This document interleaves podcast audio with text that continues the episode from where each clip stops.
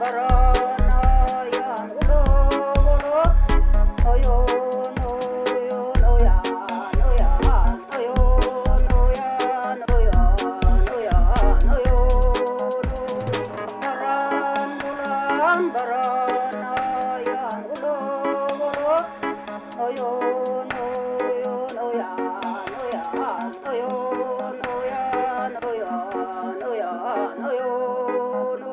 Welcome back for a new podcast in our series Circumpolar Music Traditions. Today we're going to talk about archives um, and ask questions about what kind of role does these play in cultural and social processes and development in music. Uh, we're going to Tromsø and talk to Ola Graff, uh, the former leader of a very central museum there. And uh, museums and archives play important roles in the production and maintenance of culture. Uh, one thing they do is to gather materials uh, and also to document uh, ethnicities, cultures, and uh, developments historically. Uh, they also display and uh, uh, participate in making culture visible, so to speak, or audible for our sake. They disseminate knowledge um, and also select materials to be fronted, while some materials are being uh, kept in the background. Today we are listening to Ove Larsen, professor in musicology, Snorre Sivertsen, associate professor in music, and Paul Fagerheim. We are in Tromsø and we have uh, Professor uh, Ola Graff here. And um, you have. Perhaps been... you should present me as Professor Emeritus. Yes. Because I'm not in office anymore. You, you are here in office, but not in. Uh, in your regular Position. job? No, no, no, Very good, very good. But you have been a leader at uh, this faculty of what do you call yeah, it? Yeah, what I call it. it. Officially, it's not a separate department, but I used to call it Department of Traditional Music yes. of Northern Norway. Yes, and, and you've been leader for how many years? Well, I was in a permanent position from 1986 here at the museum.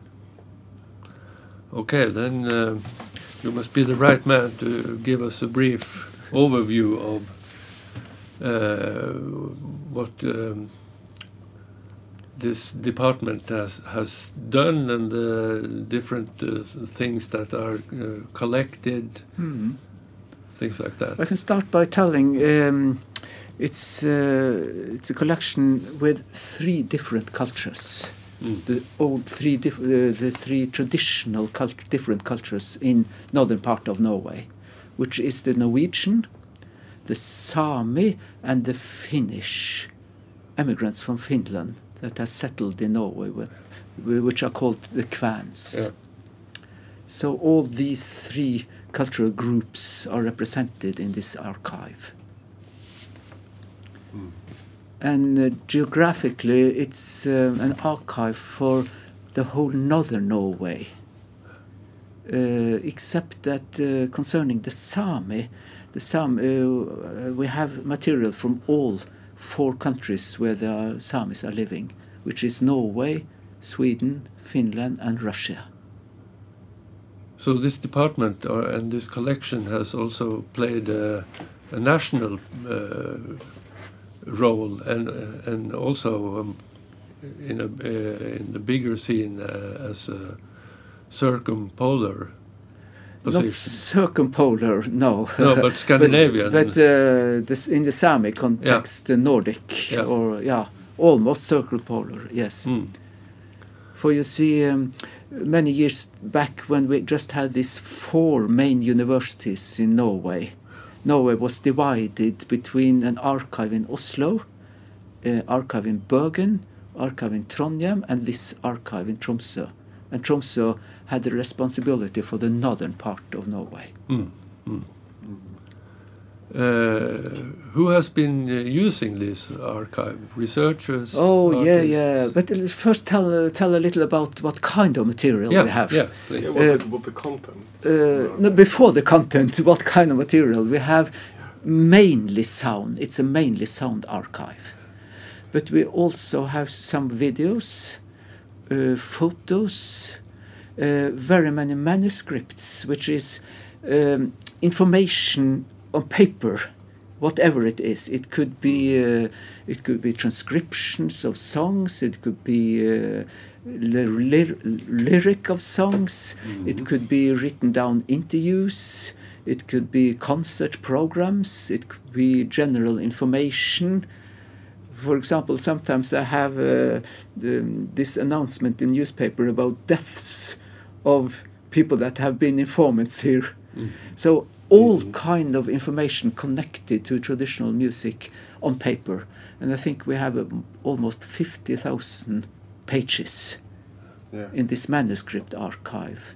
And we have newspaper cuttings. Uh, we have uh, records, collection of records of traditional music from northern Norway, and literature, as you can see in the office, where Yeah, we have a lot of books here. lot of books. So uh, all these shelves are with the Sami tradition, joik and hymns and all kind of Sami musical tradition. And northern Norway is placed there, and uh, yeah, Uh, is it uh, digitalized? Um, some of these uh, old manuscripts uh, ye- yes and no. Um, the sound archive, to start with that, Mhm. it's everything is digitalized. Okay. So we have in the basement here, we have the original tapes, real tapes. Oh. stored in a climate regulate, regulated archive. Mm. But it's almost not used anymore because now it's in a database uh, um, run by the university. Okay. So I just go into my computer and find everything there. Yeah. Uh, makes it much more easy, everything for research, to make copies. I don't have to get to the real tape and find 30 minutes in the Mm. tape. Oh. No, just go into the the file. And, and that brings me back to uh, are there any customers or people um, outside of the, house that uh, can come here and, and uh, go into the archives?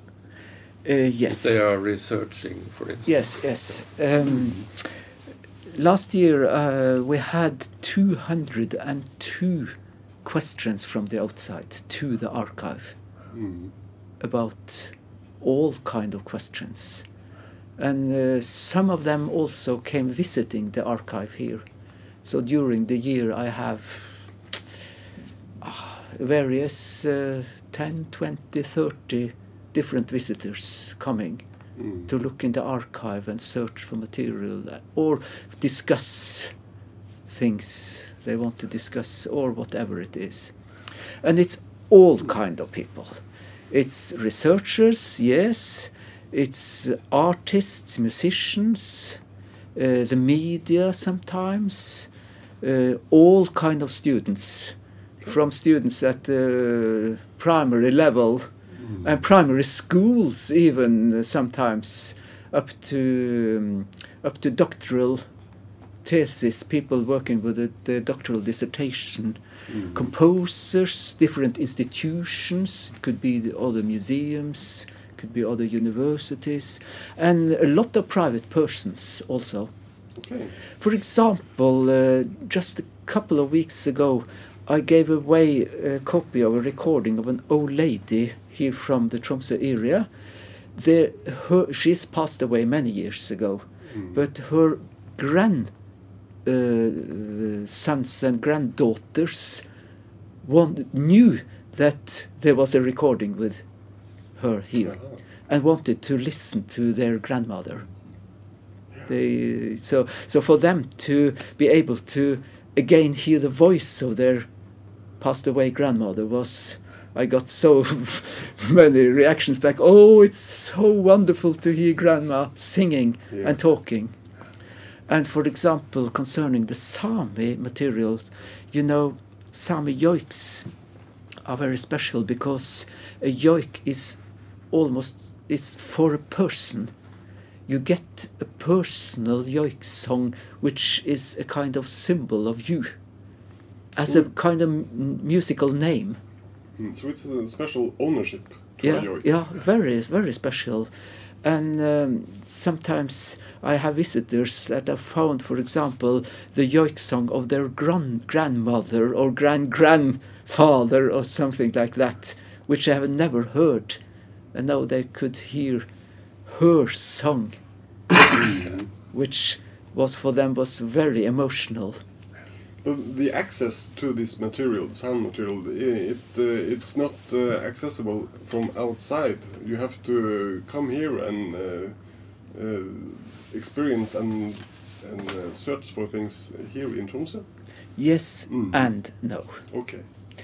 Um, I have put to the internet in the home page of here. Okay. Um, now I think it's almost 1,000 different melodies. So last year I put about 400 Sami yoiks, about Mm. 200 Norwegian songs and fiddle tunes, and about 100 Kven songs Okay. together with some other melodies. So I think at least uh, about uh, about one thousand melodies are freely access- accessible from outside. Mm. You can go and listen to it whenever you want. Yeah. Uh, for the rest, yes, you have to contact the archive Mm. and have two options. Can, for example, send a mail asking for special material, and I can send back copies, or people can come and listen. So, um, and uh, during the years, we have it's a, have been a constant process of making more and more accessible for the audience, for the common public. Mm. And I hope this work will continue in the future, even if I'm not in work anymore.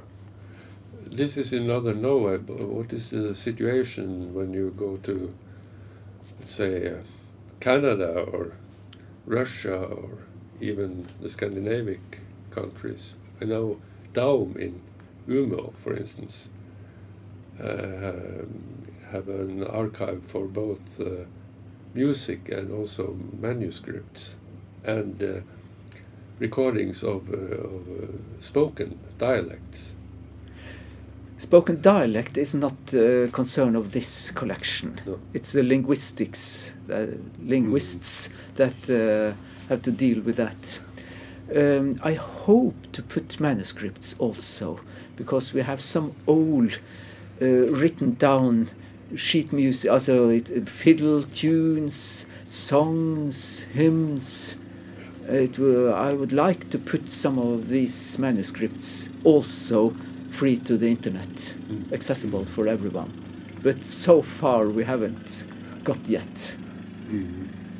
So um, old uh, sound material will be uh, are accessible today for, for for example musicians trying to incorporate this uh, old sound sources to their own music today. Yeah. Uh, for example, uh, in sampling or uh, to reuse material. Yes. Yes. the Um, main answer is yes. Yeah. Um, the additional answer is that um, normal we, we say that you have to when you use the voice of a Mhm. person you have to ask for permission from that person Mm. if she Yeah. or he is still alive Yeah. at least Mm. so people can listen but to use it is a quite different matter Yeah, because uh, it's um, it could be a conflict between like uh, copyright uh, uh, laws, maybe, um, who says that uh, musical material is protected uh, 70 years after the composer's uh, death. Hmm. Uh, is that a problem? Could we say with the traditional yoiks? uh, first to say it's not a general problem with traditional music as such No. because a man singing an old song, he has not composed it. No. He's just transferring it Mm. further. But joik, uh, with concerning joik, it's different. This old Sami tradition, where people got their own joik song, which in a way they owned. I think you shall think about it as a musical name. Yeah. It function as your name. So instead of saying your name, I can sing your yoik song. Mm. And it functions the same way. I can address you, greet you, come uh, knocking on your door and singing your song as a greeting. And we can talk about you. We are, other people can talk about you in your yoik song, using your melody and putting words to it. And this makes it uh, very different from ordinary traditional music because you have this own kind of ownership. Or it's more complicated than that, that because it's not an ownership as such. Mm-hmm. it's think of your name. You have a name but you don't own it. You have no control of the use of your name. Everyone is free to use your name as they like and you can't deny it stop it so with the yoik songs you can't control the use of your yoik song everyone is free to use it so it's not an ownership in that way but it's a very very intimate connection between a person and a person's yoik song. Mm. Extremely intimate connection. It's so to say to give away your soul when you are yoiking the yoik song person. And this makes it very troublesome. Uh, but this question of publishing yoik songs, you should be very, very careful and not not just put anything to the internet. So, for example, um, these uh, 400 melody, yoik melodies I put to the internet last year, I had to uh, get permission in one or another way. Yeah. Uh, many many times it was just a, a kind of permission from the man who had sung, man or woman who had sung. Mm-hmm. Uh, and for example, um, uh, the oldest songs were from um, 1935, recorded on wax cylinders. No one is alive, and no, no children are alive, just the grandchildren and grand grandchildren. But I uh, got a very competent yoiker to listen through every song to to be sure that there was not any lyric that could be offensive. Okay. In that case, I wouldn't have published it. No, no. But uh, she listened through it and said, okay, everything sh- seems to be okay, you can publish it. Mm-hmm. So then I put it. Seems to be a parallel to the uh, Karl Tirén collection, which is also on wax cylinders. Yes. Mm. and and uh, a, a collection that seems to be the foundation for the revitalizing of South Sami Yeah. culture, and used in many different. Uh, or with many different types of other music, especially popular music, and and also linked um, uh, original recordings from wax Cylinder to recordings by, for instance, Frode Fjellheim. Frode Fjellheim has used much of Yeah, the- these yeah. old recordings. Is this yes. also the case for uh, for the now North Sami tradition? Um, not so much. You see, Mm. uh, in the southern part, the yoik tradition was almost extinct. Mm. So people felt uh, it urgent to listen to these old recordings, Mm. to learn the old Sami, South Sami tradition.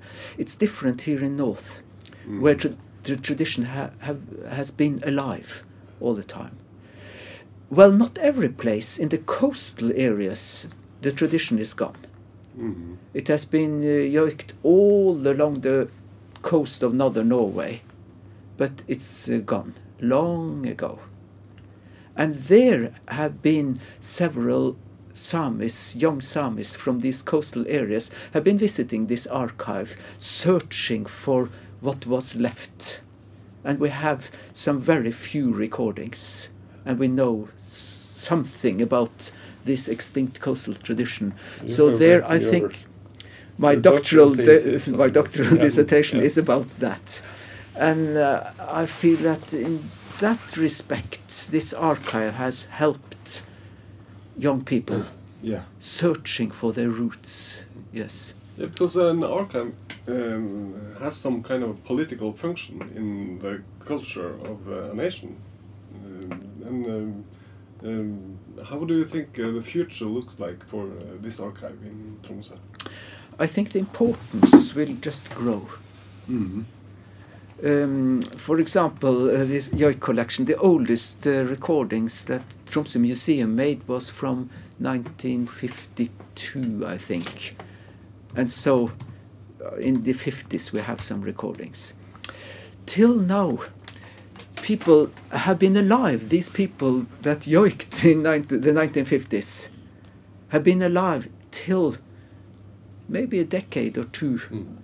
So, f- f- in the 50s, the 60s, the 70s, it was no need to come to the archive. Mm. You had the living sources going among us. It was alive. Yeah.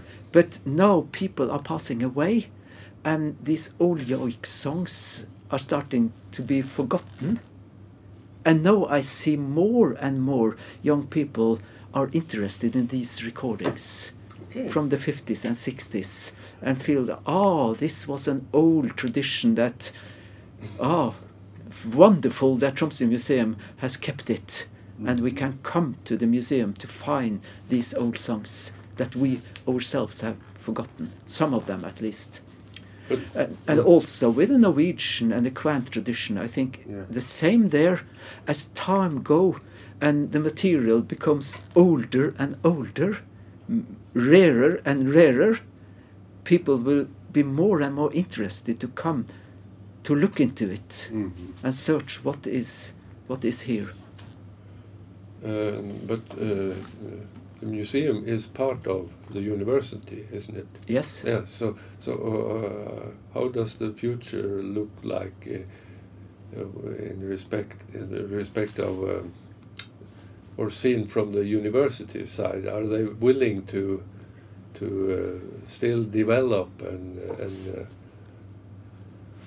and and give a future to the uh, archives and uh, research, uh, including it in, in the, the archive. I wished I could have said yes, but I can't. I'm really worried about the future. I myself is uh, I'm uh, re- I'm retired, and no one else has come to replace me. And so far, the museum has not been willing to um, to have a new person here and uh, develop this work further.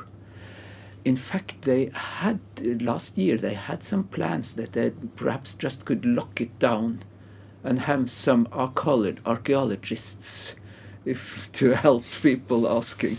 A quite ridiculous thought.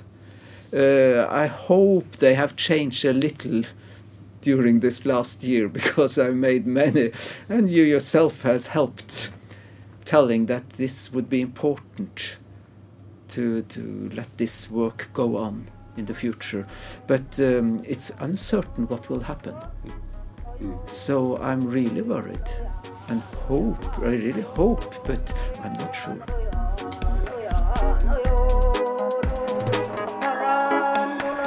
Oh, baron.